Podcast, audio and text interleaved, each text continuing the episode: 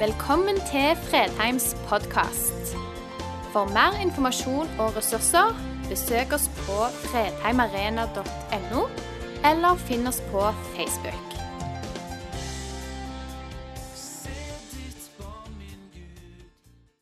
Sannhet den eh, kommer til oss på ulike steder. Og selv om sannheten settes fri, så kjennes det ikke alltid slik ut. Det kjennes i alle fall ikke slik ut når du har vært ute og kjøpt garderobeskap på Ikea. De ligger på trallen. Du er i utgangspunktet ikke særlig motivert for å skru opp disse garderobeskapene. Du er lei deg en henger, du skal ut, og alt er klart. Det striregner. Du skal bare sette på det der avtagbare hengefestet. Du bøyer deg ned, men av en eller annen grunn så kjennes det litt annerledes ut. Du finner ikke festepunktet, og du finner ikke strømmen. Du merker det begynner å svartne. Du legger ut, finner noe du kan legge på bakken, setter deg ned på knærne. Merker at nå begynner du virkelig å bli våt. Kikker under. Men det er jo ikke noe festepunkt der. Ikke er strømmen der heller, så går det opp for deg. Nei, Bilverkstedet har faktisk satt den nye fangeren over hengefestet og over strømmen. Og da, De som kjenner meg da, inkludert min kone, vet nok at da blir det mørkt i Andreas Bjørntvedt sitt hode. Da blir det ca. så mørkt det kan bli. Så det kan godt være sannheten på sikt setter meg fri. For nå har jeg fått fiksa opp i det, så nå kan jeg ha på tilhenger igjen. Men der og da var det veldig mørkt, og jeg måtte umiddelbart begynne å jobbe med helliggjørelsen. Det er ikke så altfor lenge siden jeg hadde en tale eh, som gikk på hvilken ord bruker jeg. Hvor finner jeg de ordene jeg bruker til å beskrive andre, snakke om andre med? I dag har jeg lyst til å snu det litt og spørre hvilken stemmer lytter du til? Hvilken stemme lar du få en eh, grad av definisjonsmakt inn i livet ditt? Lytter du til sanne stemmer som setter deg fri, eller til stemmer som egentlig overhodet ikke er sanne? Når vi landet for at vi skulle inn i den temaserien, så var det ganske tidlig en artikkel i VG som tenkte, den må jeg på en eller annen måte berøre bare som et eksempel. For å problematisere. Jeg tror vi alle har våre ting Tåpelige artikler, meningsløse videoer som vi bruker tiden på. Jeg tror nok Merete opplevde, Min kone opplevde det slik for, halvand, nei, for halvt års tid siden, hvor jeg var helt manisk opphengt i elektriske sparkesykler. Eh, og jeg satt på kveldene når vi gikk og la, så dro jeg opp telefonen og så på YouTube av to, eh, to folk som kjørte med to elektriske sparkesykler i Latvia. Jeg kunne ikke språket deres. De hadde ingen tester, de bare kjørte rundt på dem. Og jeg lå og så på det og holdt hun våken. Vi har alle sånne ting. Men så er det ganger det bare blir for dumt. Hvor stemmer som ikke er sanne, preger forsiden på Norges største avis. Så de presterer å lage en artikkel om 20 tegn på at du bør skille deg Dette er en plussak, så jeg har ikke fått lest den. Men respekt for de som går igjennom skilsmisse. Og med tanke på hvor vil vi med samfunnet vårt, er dette innsteget inn i den problematikken. Skal både de som sliter med ekteskapet, og de som ikke sliter med ekteskapet, gå inn og lese om 20 ting så kanskje jeg kan finne grunner til at dette ikke var noe? Med 20 tegn så tenker jeg at de fleste er dømt til å finne et eller annet der som bekrefter noe i deres forhold. Hadde Merete lest det, så kan det godt være for alt jeg vet, det står der at tegn på at det er over hvis mannen din holder deg våken gjennom å se på YouTube-filmer av østeuropeere som kjører sparkesykler i Latvia. Jeg vet ikke. Kanskje. Hvilken stemmer lytter vi til? Hvilken stemmer forteller noe til oss som vi vil definere som sannhet? For hvis dette stemmer, at vi bare ukritisk adopterer inn ting i livet vårt som sannheter fordi eksperter har gitt deg en sjekkliste ja, men hva hvis jeg i utgangspunktet er riv ruskende enig, da? Premissene de legger. Hva hvis jeg er uenig i at disse er eksperter overhodet? Skal de da ha kraften til å fortelle sannheter inn i mitt liv? Det er for et paradoks at de som, ikke, de som, markedsfører sine produkter ved siden av denne type artikler, ikke bare ber de må trekke annonsen umiddelbart. Fordi de ikke vil sammenblandes med et så destruktivt innsteg. Vi leser Johannes 10, Sannelig, sannelig, jeg sier dere, den som ikke går inn til saueflokken gjennom porten, men klatrer over et annet sted, han er en tyv og en røver. Men den som kommer inn gjennom porten, er gjeter for sauene. Portvokteren åpner for han, og sauene hører stemmen hans. Han kaller sine egne sauer ved navn og fører dem ut. Og når han har fått ut alle og går foran dem, og sauene følger etter ham, for de kjenner stemmen hans. Men en fremmed følger ikke. De flykter fra ham fordi de ikke kjenner den fremmedes stemme. Denne lignelsen fortalte Jesus, men de skjønte ikke hva han mente. Da sa Jesus, 'Sannelig, sannelig, jeg sier dere, jeg er porten inn til sauene.' 'Alle de som har kommet før meg, er tyvere og røvere.' 'Men sauene har ikke hørt dem.' 'Jeg er porten.' 'Den som går gjennom meg, skal bli frelst og fritt i, i, gå inn og ut og finne beite.' 'Tyven kommer bare for å stjele, drepe og ødelegge.' 'Jeg er kommet for at dere skal ha liv og overflod.' De som følger med i nyhetsbildet, har registrert at de to-tre siste åra har det vært en økt bekymring over det, de såkalte falske nyheter. Som ikke har rot i virkelighet, men som vi likevel fortsetter å dele på Facebook. Katarine Wiener, som er en anerkjent journalist, skal ha sagt når et faktum begynner å ligne det du føler er sant, blir det svært vanskelig for noen å se forskjellen mellom fakta som er sann, og fakta som ikke er sann.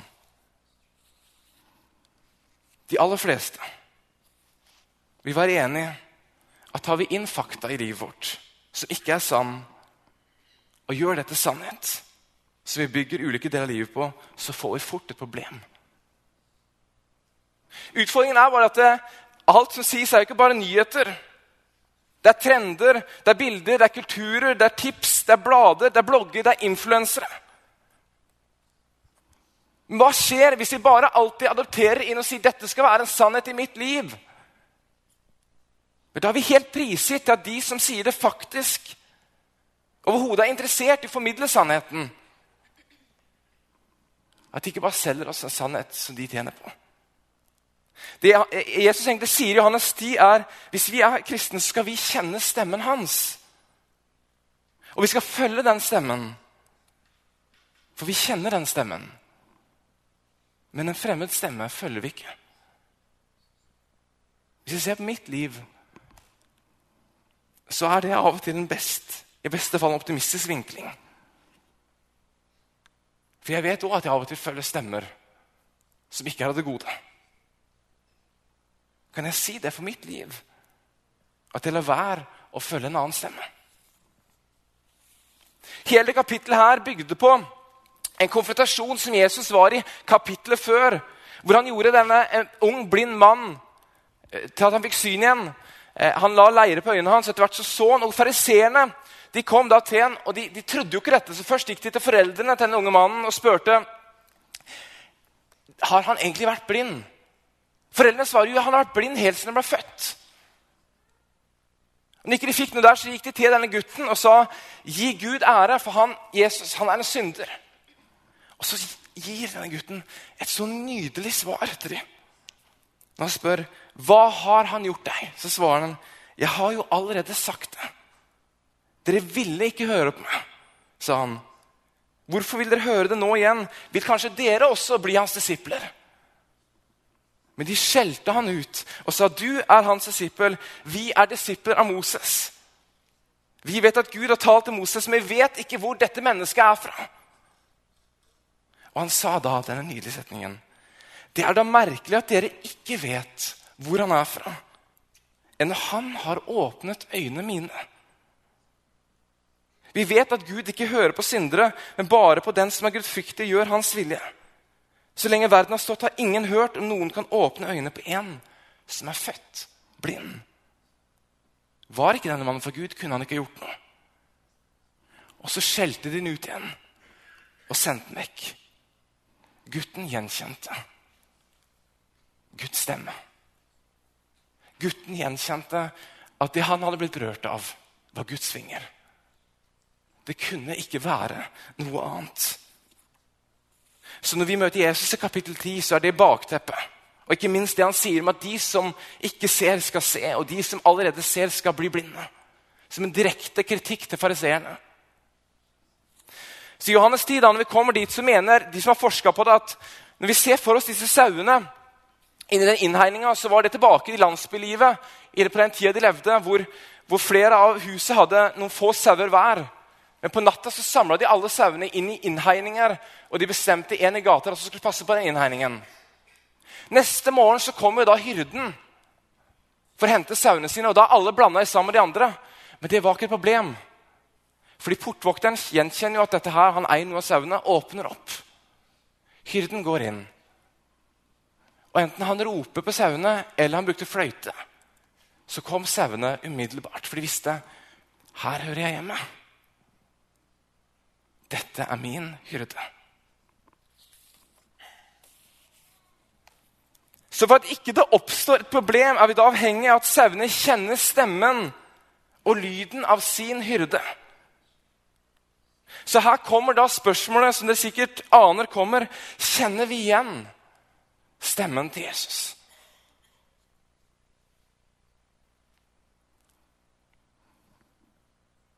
Hvordan skal vi klare å skille stemmen som er, stemmer som er sanne, for den som ikke er sanne? Hvis vi nesten aldri er nede i Hans ord.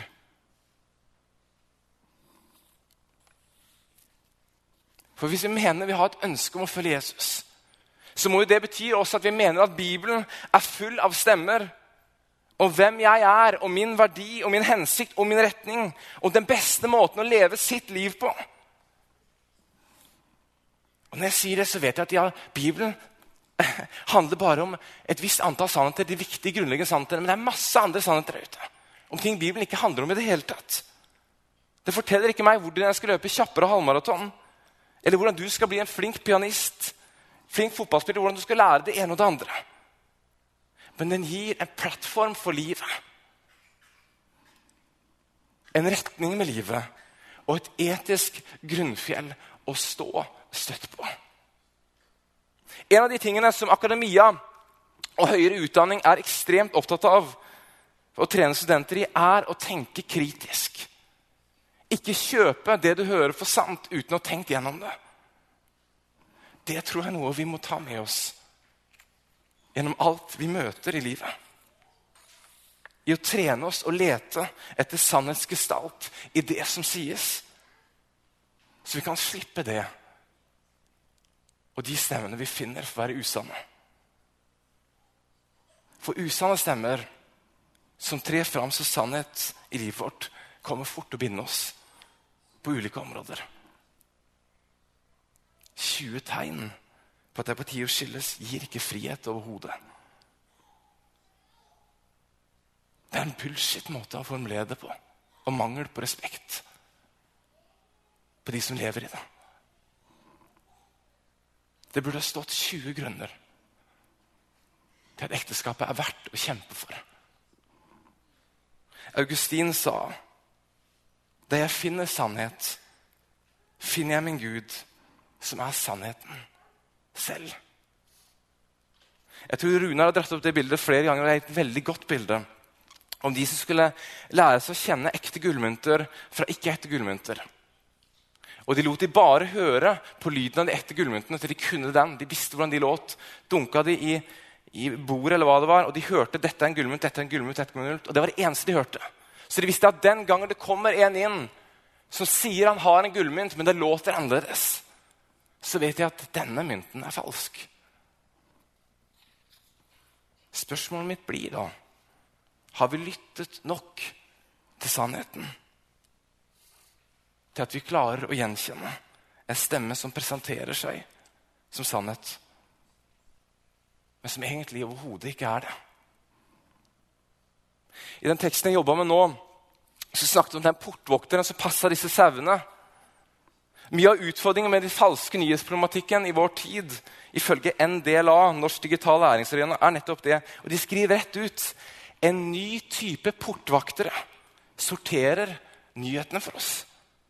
Det er ikke lenger de tradisjonelle mediene, men algoritmene til Facebook som sorterer hva 1,87 milliarder får av nyheter. En ny type portvaktere. For et besnærende bilde. Hvordan er portvakten? i ditt liv som skiller mellom sannhet og ikke sannhet. Hva som jeg skal bygge livet mitt på, definere. Hva som skal gi meg makt, hva jeg gir makt til. Og hva jeg bare slipper. For hvis vi er ærlige med oss sjøl, så de aller fleste av oss sliter med en eller annen form for stemmer som forteller oss at vi er ikke gode nok. Vi strekker ikke til på drøssevis arenaer i livet. Men hva hvis det negative greiene vi går og tenker på, overhodet ikke er sannhet? Men det slapp inn likevel fordi vi voktet ikke portene våre. Kanskje var det ikke bare usanne stemmer som slapp inn. Men de små revene kom også inn. De små syndene eh, De gjør ikke så mye.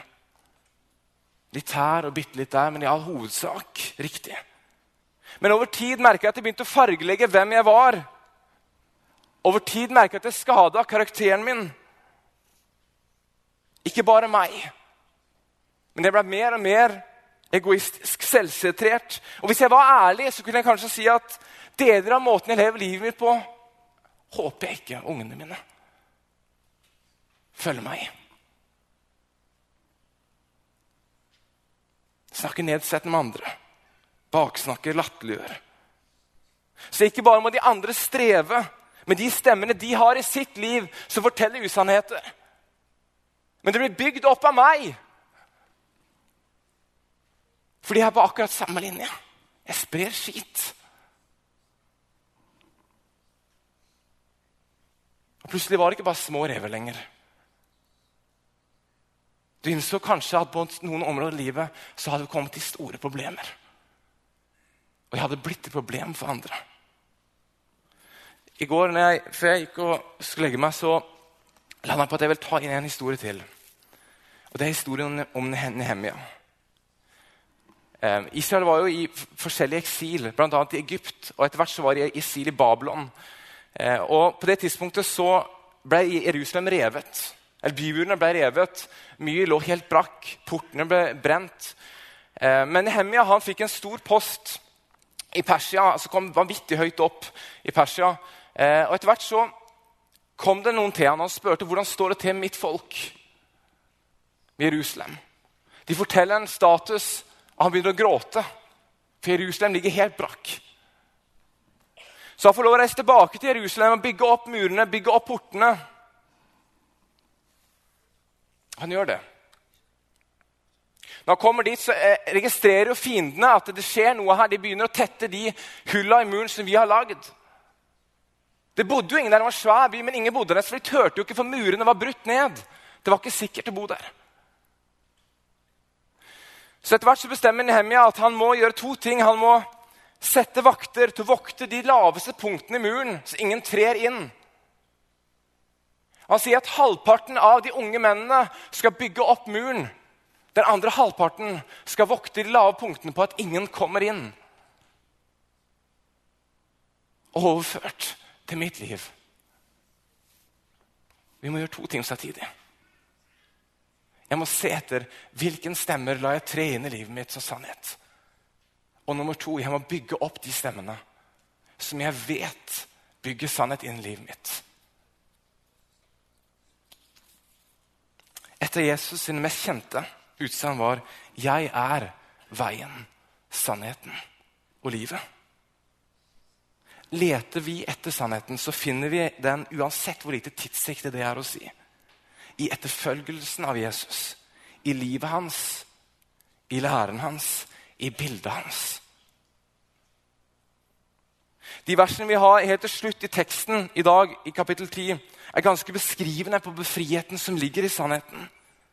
Den som går gjennom meg, skal bli frelst og fritt gå inn og ut og finne beite. Tyven kommer bare for å stjele, drepe og ødelegge. Jeg er kommet for at dere skal ha liv og overflod. Ofte kan vi tenke at livet med Jesus kan, livet etter følgelse Jesus kan være begrensende, men det er så langt fra sannheten vi kommer. Livet uten Jesus er begrensende. Livet med han, hvor vi kjenner hans stemme, er fullt av liv og frihet. I dag skal jeg invitere deg til å respondere på en litt annen måte enn vi pleier. Det handler ikke først og fremst om å reise seg opp, rekke opp en hånd eller ta et skritt fram. Det handler om noe som kommer til å ta et kvarters tid hver eneste dag i ditt liv i 365 dager. I et halvt års tid har jeg tenkt at jeg har lyst til å invitere med de som vil i menigheten, på å være med, være med meg og lese Bibelen gjennom et år. Jeg hadde bare en liten har ikke prata der, fordi jeg hadde egentlig planlagt at jeg skulle være ferdig med den leseplanen jeg holdt på med. når jeg inviterte. Den skulle jeg vært ferdig med i oktober, eh, men jeg er fortsatt ikke helt ferdig med den. Eh, men jeg opplever at dette er tidspunktet å gjøre det på. Skal vi velge de sanne stemmene, så må vi lytte til de sanne stemmene. Og vi må la de få lov å bygge en plattform i livet vårt og det gjør vi gjennom å lytte til dem og være i dem. Den beste måten å gjøre det på, er å være i Bibelen. Så i dag ønsker jeg å invitere dere med til å være med fra fredagen som kommer, i ett år fram. Lese ca. et kvarter om dagen. Dere har fått noen lapper når dere kom inn. Der står det akkurat hva dere skal gjøre. Eh, og eh, Dette er ikke noe tvang i det. det kan godt, jeg vet at jeg ikke kommer til å gjøre aleine. Men jeg vet ikke hvor mange det kommer til å bli. Men jeg håper jo selvfølgelig å bli de kjempemange. For jeg vet Det er mange som tenker at dette har jeg egentlig lyst til å gjøre. lese gjennom Bibelen, Men hver gang jeg begynner, så detter det sammen. Nå har du mulighet til å gjøre det sammen med mange, eller det definerer dere hvor mange det blir, eh, over et år. Og så har jeg lyst til å si en ting til slutt. Vi har også lyst til å invitere da til forbønn. Det er alltid forbønn her bak hjørnet. Og I skal jeg invitere dere som kjenner at jeg har vokta portene mine for dårlig. Jeg vet jeg har sluppet inn stemmer i livet mitt som ikke er sanne, som fortsetter å tale til meg. Men nå vet jeg ikke hvordan jeg skal bli kvitt dem. Men jeg gjenkjenner at det er et problem. I dag har du mulighet til å komme fram opp i hjørnet, legge dem fram, og de kan få lov å be for deg. Så grip den muligheten.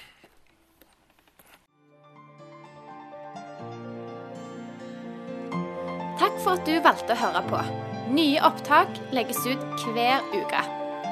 Vi har gudstjenester hver helg, og du er hjertelig velkommen.